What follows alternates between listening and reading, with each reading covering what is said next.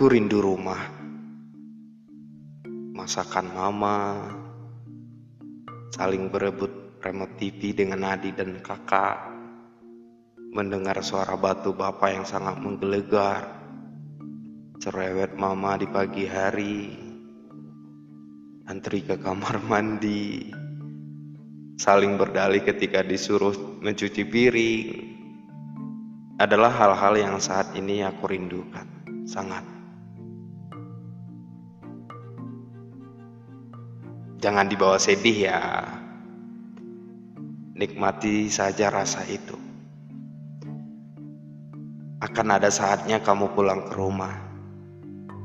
Jika saat itu tiba, maka ceritakanlah apa yang selama ini kamu lihat di sini. Juga jangan biarkan rasa menahan rindu itu sia-sia. Selamat berjuang, teman.